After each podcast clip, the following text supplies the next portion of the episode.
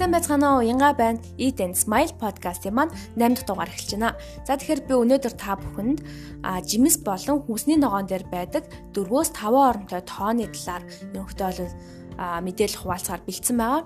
Яагаад вэ гэхээр тэрхүү 4-5 оронтой тоонууд маань яг энэхүү хүнсний бүтээгдэхүүн жимс болон ногоон яг ямар аргаар тарьж ургуулсан бэ гэдэг маш чухал мэдээллийг бидэнд өгдөг байгаа. За тэгэхээр одоо бүгдээрээ подкаст руугаа орцгоё. За тэгэхээр бид нэр өдөр тутамдаа л ерөнхийдөө бол хүнсний дэлгүүр, супермаркет ороод жимс хүнсний ногоо худалдаж авдаг байгаа. Тэгэхээр тухайн жимс хүнсний ногоон дээр жижигхэн яалкан дээр 4-5 оронтой топ чийдэг. За тэгэхээр бид нар ерөнхийдөө төдийлөн тэрхүү тоон дээр ач холбогдол өгдөггүй. А гэтээ хэрвээ яг энэ тооны учрыг нь мэдж байгаа тохиолдолд энэ маань яг яаж тайрж ургуулсан хүнсний ногоо вэ гэдгээ мэдэх бүрэн боломжтой байгаа. За жишээлбэл 4 болон 3-аар эхэлсэн тоотой хүнсний бүтээгдэхүүн жимс байгаа байгаа тохиолдолд тэр маань уламжлалт аргаар ургуулсан. За тэгээд мөн бордо болон хортон шавтнаас хамгаалах цацлаг цацаан гэсэн утгатай. За 8-аар эхэлсэн тоо байх юм бол энэ маань генетикийн өөрчлөлтөнд орчихсон хүнсний бүтээгдэхүүн жимс хүнсний ногоо байна гэсэн. За 9 9-оор эхэлсэн 5 оронтой тоо байгаа тохиолдолд энэ маань ямарваа нэгэн одоо генетикийн өөрчлөлтөнд ороогүй биологийн гаралтай бордоо одоо бордоо болон хортон шавчнаас хамгаалах ямар ч тийм цацлаг бол цацаагүй ерөөсөө л байглаасаа ургасан яг тийм хүнсний ногоо жимс гэж үзэж болно. За тэгэхээр одоо ингээд жишээ авч үзье л да. Одоо бид нэг ингээд хүнсний дэлгүүрт орлоо. Тэгвэл одоо ингээд а гурван өөр төрлийн банан байна гэж бодъё. Тэгэхээр эхнийх нь болохоор 4011 гэсэн тоотой 40 11 гэсэн тоотой банан байх юм бол энэ маань дөрвөөр эхэлсэн учраас ерөнхийдөө бордо болон хортон шавьснаас хамгаалах цэцлэг цэцчихсан гэсэн үг. За яг хажууд нь болохоор 84 тэг 11 гэсэн кодтой банан байх юм бол энэ маань 8-аар эхэлчихсэн учраас энэ банан маань генетикийн өөрчлөлтөнд орж тийм орчихсон тийм тэгж тарж ургуулсан банана гэсэн. За яг 3 дугаарт нь болохоор жишээлбэл 94 тэг 11 буюу 9-өр ихэлсэн байгаа тохиолдолд энэхүү банан маань ерөөсөө ямар ч бордоо за хордон шившнээс хамгаалах цацлага болон генетикийн өөрчлөлтөнд ороогүй ерөөсөө биологийн одоо экологийн одоо тийм эрүүл аргаар тарж ургуулсан тийм банан байна гэсэн. За тэгэхээр мэдээж зэрэг инээс харах юм бол мэдээж зэрэг дөрвөөр ихэлсэн эсвэл ёсоор ихэлсэн хүнсний бүтээгдэхүүнүүдийг хоол хүнсэндээ ихвчлэн авч хэрэглэх нь хамгийн зүйтэй гэсэн.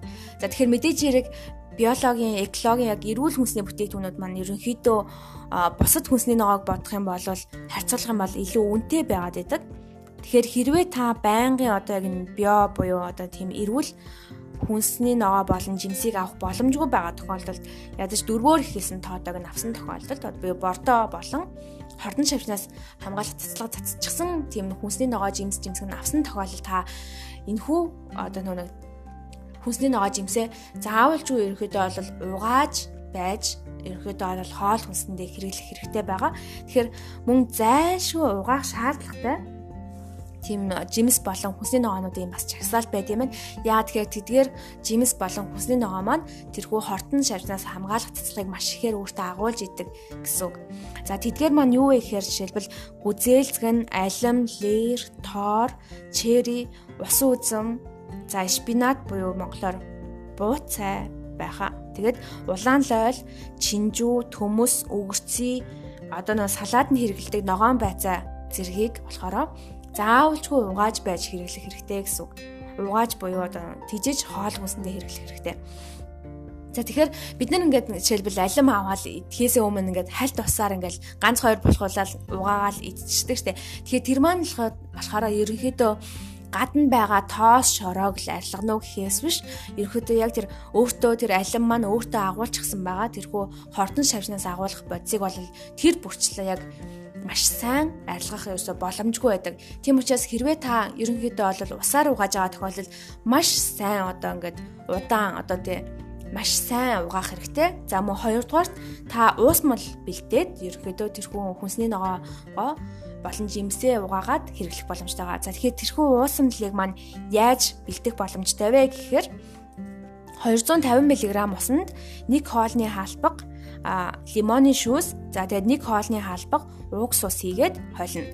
За тэгэхээр тэгэхээр энэхүү ус малда та өөрийнхөө тэр худалдаж авсан жимс хүнсний ногоо хийгээд 10 минут хүлээгээд тэгээд маш сайн одоо хүүтэн ус болон бүлээн ус хүүтэн эсвэл бүлээн усаар маш сайн дахиж зайлаад тэгээд хүнсэндээ хэрэглэх боломжтой байгаа гэсэн. За харин а үн эднийхээ эсэргээрээ ерөнхийдөө тэрхүү хортон шавжнаас агуу одоо хамгаалах цацлагыг өөртөө маш багаар агуулж идэг хүнсний бүтээгдэхүүн байна. Жишээлбэл одоо авокадо, байцаа, цэцэгт байцаа, авгорбин гэдэг ногоо за тэг мөн сонгон, ананас а манго, киви зэрэг жимс болон хүнсний ногоонууд маань ерөнхийдөө бол энэ хөө хортон шавжнаас хамгаалах цэцлагыг бага хэмжээгээр агуулж идэм байна. Гэтэ мэдээж хэрэг бага хэмжээгээр агуулсан гэд хамаагүй бас угаахгүй хэрэглээд байгаа нь бас тийм ч сайн зүйл биш. Тийм учраас аль болох бүх хүнсний ногоо, хүнсний бүтээгдэхүүн, жимс, жимсгнийг аль болох тэрхүү нэг уусамлаар одоо лимоны шүүс болон уугс усны уусамлаар ингээд угаагаад хөвшөөд тэгээд өдөр тутамдаа хэрэглэх юм бол бидний эрүүл мэндэд илүү сайн гэсэн. За гэхдээ яг нунаг яг ингээд шинжлэх ухааны одоо ингээд баримт судалгаагаар ч юм уу те яг одоо энэ хүн ингээд хортон шивснээс хамгаалах цацлагтай хүнсний бүтээгдэхүүнийг эзнэр яг яг хүний биед яг ийм ийм сүрэг шин чанартай яг ийм ийм өвчлөлийг үүсгэх магадaltaй гэсэн яг тийм бодит судалгаа одоогоор бол байхгүй байд юм байлээ. За гэхдээ таамаглалын төвшөнд авч үзэх юм бол ерөнхийдөө болохоор ингээд яг энэ хүү одоо ингээд хортон шавьснаас хамгаалах цэцлэгтэй хүнсний бүтээгдэхүүнүүдийг ингээ угаахгүйгээр хэрэглэсэн тохиолдолд ерөнхийдөө бол хорт хавдар болон одоо гормоны өөрчлөлт одоо хорт тавдар тусах магадлалтай.